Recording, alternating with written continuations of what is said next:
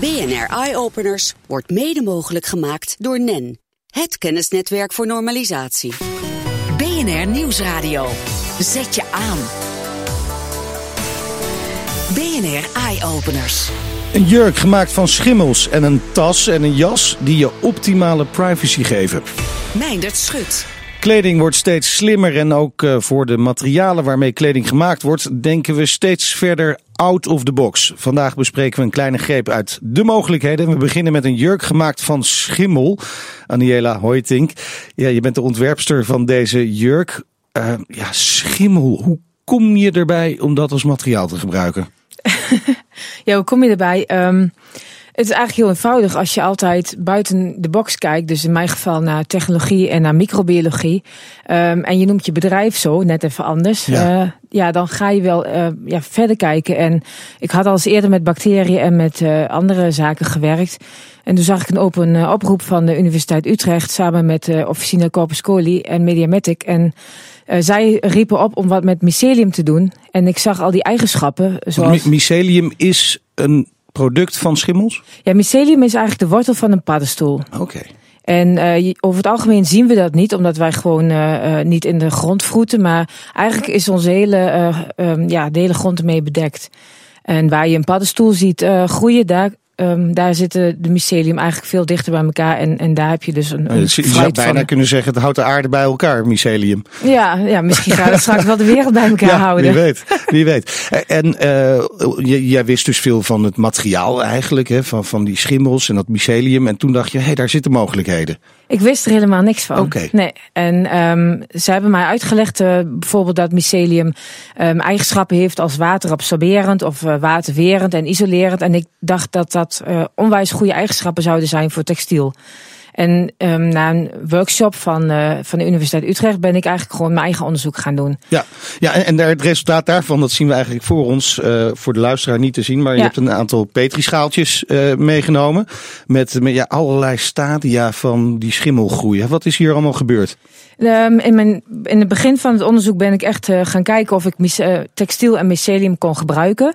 En hoopte ik eigenlijk op die manier de afvalberg te verkleinen. Dus door restanten te gebruiken, um, dacht ik dan, mycelium groeit daarop. En misschien composteert het voor een deel en heeft hij de andere delen nodig voor okay. sterkte, ja, zeg ja. maar. Um, ook omdat mycelium als het opdroogt vrij bros is. Ja. Uh, helaas is dat uh, uh, onderzoek eigenlijk op niks uitgelopen. Want mycelium ja, gebruikt wel textiel, maar niet zoals ik het wilde hebben. Okay. Um, ik wil uiteindelijk dat je daar een, een, dunne lap van krijgt. En niet een heel dik, massief ge gebeuren, zeg maar. Dus ik heb van daaruit mijn onderzoek aan moeten passen. En ben gaan kijken wat kan je met pure mycelium doen. En kan ik dat flexibel krijgen. Nou, eh, voordat we die kant op gaan ja. uh, en we het over de jurk zelf hebben, uh, gaan we het eerst even een lesje schimmels kweken krijgen van de Universiteit Utrecht. Luister mee. Schimmel. Nee, trek nou niet direct een vies gezicht, want je kan er meer mee dan je denkt. Bijvoorbeeld op het gebied van antibiotica. Sterker nog, de microbiologen van de Universiteit van Utrecht die doen niet anders dan nadenken over schimmel. We gaan altijd beginnen met een afvalstroom zegt professor Han Wusten van de Universiteit van Utrecht. Hij weet als geen ander hoe je iets kan maken van schimmel. En die afvalstroom, daar doen wij een beetje schimmel bij. En die schimmel die gaat dan door de afvalstroom uh, groeien. Die schimmel hebben schimmeldraden en die groeien een aantal centimeter per dag. En die draden die breken dan het uh, afval af. Schimmel breekt dus het afval af.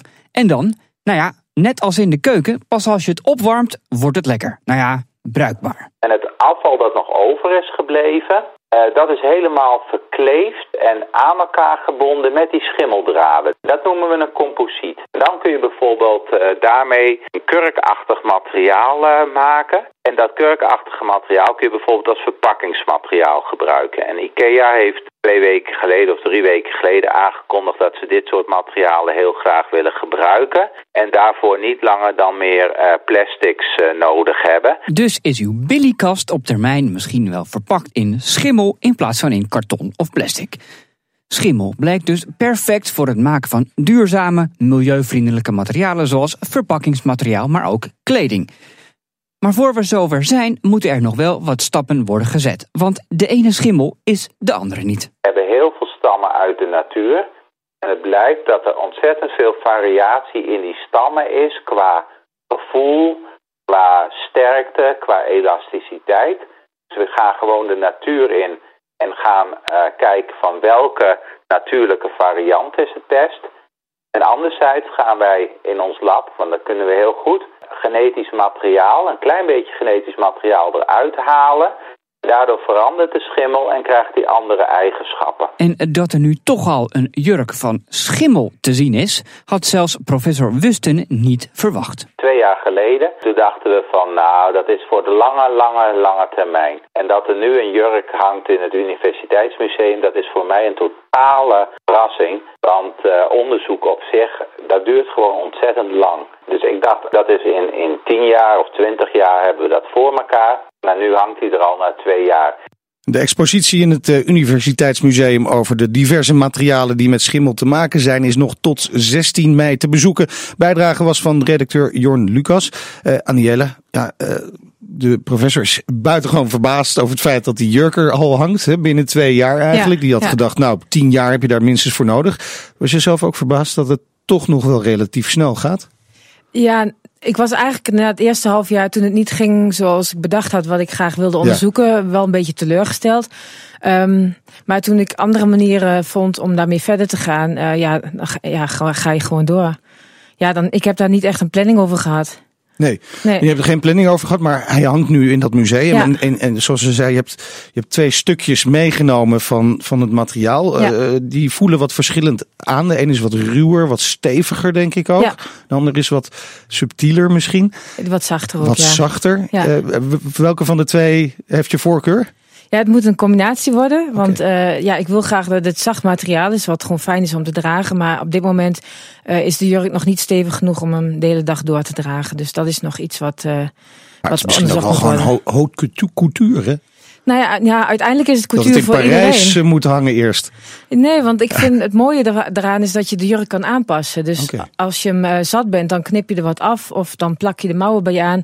Het is een hele modulaire jurk geworden. En, um, maar ook als is dat er een plakken zomaar komt, te doen dan? Ja, je groeit gewoon een lapje en dat plak je erop. En gedurende de nacht droogt het uh, in. En dan. Uh, Oké, okay, dus ook als je een gat in je kleren hebt, ja. dan is dat eigenlijk heel makkelijk te repareren. Ja, dat is een van de ideeën achter de jurk, ja. Oké, okay. um, dan is het nog wel zo, ja, met, met katoen daar hebben we heel veel ervaring mee. Ja. Eeuwen ervaring mee, ja. zou ik maar zo zeggen.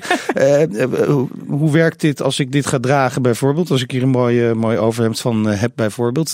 wat doet het met mijn huid? Schimmel? Nou ja, zoals Hanna al zei, het heeft antimicrobiële eigenschappen. Maar het heeft ook bijvoorbeeld huidverzorgende eigenschappen. Dus wat ze nu in nachtcremes doen, dat komt eigenlijk uit de schimmel. dat zijn dingen die, die ik nog verder wil onderzoeken. En um, ja... Ja, nee, goed, daar moet je nog stappen mee, mee maken. Maar dat is eigenlijk misschien al wel de vervolgstap. Uh, je hebt natuurlijk ook een punt nog dat je van ja, kleinschalig, waar je nu mee bezig bent, naar, ja. naar misschien grootschalig. Want als je kijkt naar de katoenproductie ja. in de wereld, als je die wil gaan aanvallen, dan, dan moet je flink gaan opschalen. Is dat mogelijk? Ja, ik denk van wel. Ten eerste is katoen al 200 jaar bezig met het verbeteren en ben ik pas twee jaar bezig. Ja, Daarnaast, je hebt nog wat in te halen. Ja, ja, ik heb zeker wat in te halen, maar het is ook, uh, gebruikt veel minder water. Als je kijkt naar okay. een t-shirt uh, voor katoenproductie is dat 2500 liter water. En ik heb 12 liter gebruikt. Uh, ik gebruik geen chemicaliën. Ik heb geen dure landbouwgrond nodig uh, om dit te groeien. Dus dat zijn allemaal al voordelen. Um, daarnaast, uh, voordat het van katoen, dat je het plukt, dat je er garen van maakt, dat je het weeft, een katoen of een, ja, een kledingstuk ja. van maakt. daar ben je ongeveer een jaar verder. En in, ja. ik ben hier in een maand heb ik een kledingstuk. Tot slot wordt net het voorbeeld van IKEA. Hè? Als ja. die dit materiaal nou als, als verpakkingsmateriaal gaat gebruiken, en dan heb ik het nog niet eens over al die pakketjes die via internet verstuurd worden. Ja. Ehm, dat is natuurlijk ook een hele interessante als dat gebeurt. Jij zit meer op die modekant natuurlijk. Ja. Maar, maar wat zou dat betekenen voor bijvoorbeeld de afvalberg als dat zou gebeuren? Ja, dat zou fantastisch zijn, want dit kan je gewoon in de grond stoppen. Het is eigenlijk nog een goede, uh, goede voedingsbodem ook. Dus dat betekent dat we veel minder uh, afval hebben. En als ik dan toch even over textiel heb, ja. 40% wordt niet eens verkocht van wat we gemaakt nee. hebben. Dus ja, ja. Ik denk dat ik daarmee genoeg zeg. Ik denk het wel. En ja. als je trui op is, dan gooi je hem gewoon in de tuin en dan ja. groeit er weer iets moois.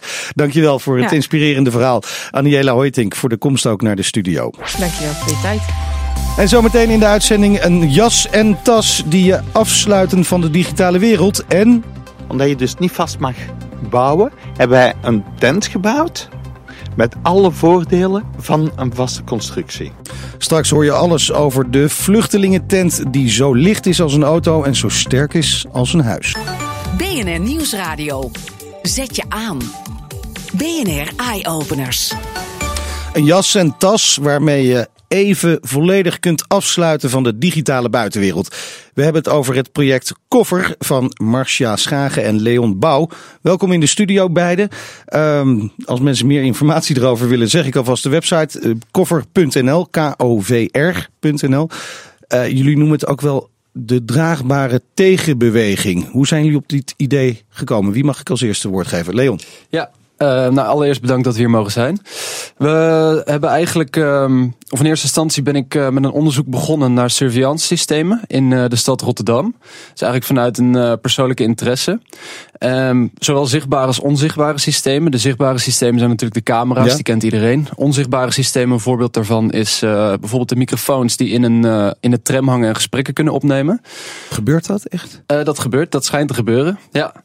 Um, eigenlijk vanuit, vanuit dat onderzoek kwam ik op zogeheten RFID en NFC-chips. Ja. Dat zijn chips die bijvoorbeeld al in je portemonnee zitten bij je pinpas of paspoort. En vanuit daar uh, groeide eigenlijk de behoefte om daar iets tegen te doen. Daar, daar um, de, het individu grip op te krijgen. En dat is eigenlijk het moment geweest waar, wanneer ik besloten heb dat het uh, kleding moest worden.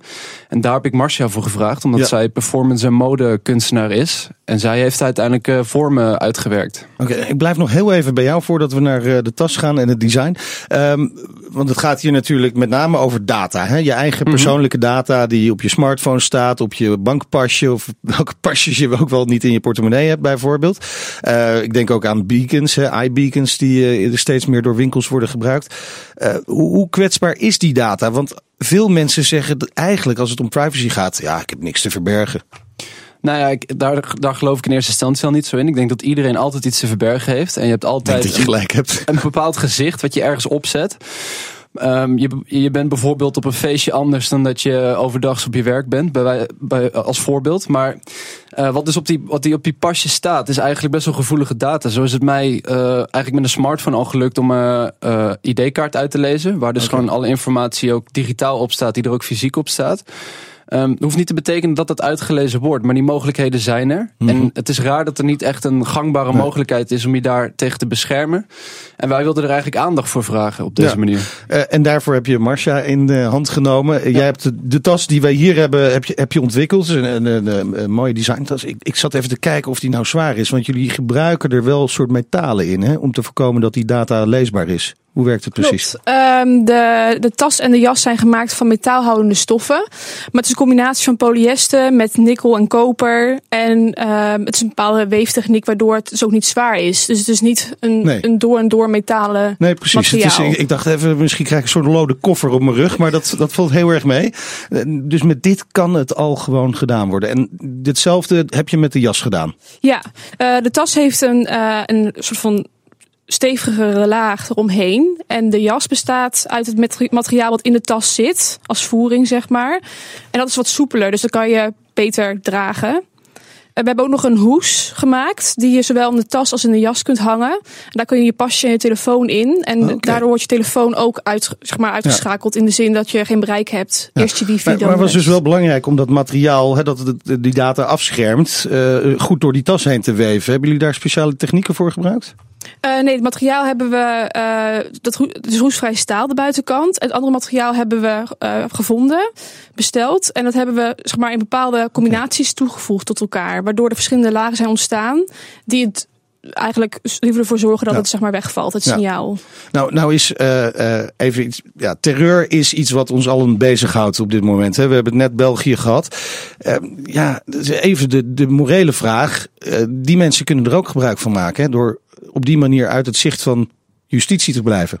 Ja, het is, het is iets wat veel naar boven komt. Omdat het natuurlijk ook de, uh, op dit moment nogal uh, in, in opspraak is. En alles wat met alle gebeurtenissen die er recent zijn gebeurd. Maar um, wat eigenlijk zo, zo is, is dat de, de aspecten van deze tas, dat zou je zelf ook kunnen gaan toepassen door bij wijze van naar de supermarkt te lopen en een rol aluminiumfolie te kopen.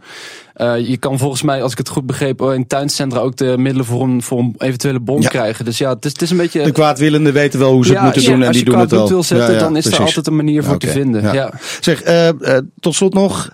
is hij al te koop en kunnen mensen hem ergens zien? De jas en de tas? Nou, we zijn op, eh, op dit moment bezig met de prototypes. Eh, we willen heel graag een eh, stapje verder. Maar eh, op 12 april zijn in ieder geval de prototypes te zien in Rotterdam in het NRC. En tot die tijd in ieder geval op jullie website. Ja, Zeker. klopt. Ja. Goed. Dank voor de komst naar de studio, Marcia Schagen en Leon Bouw. En heel veel succes met dit project. Dankjewel. Dankjewel. Meindert Schut.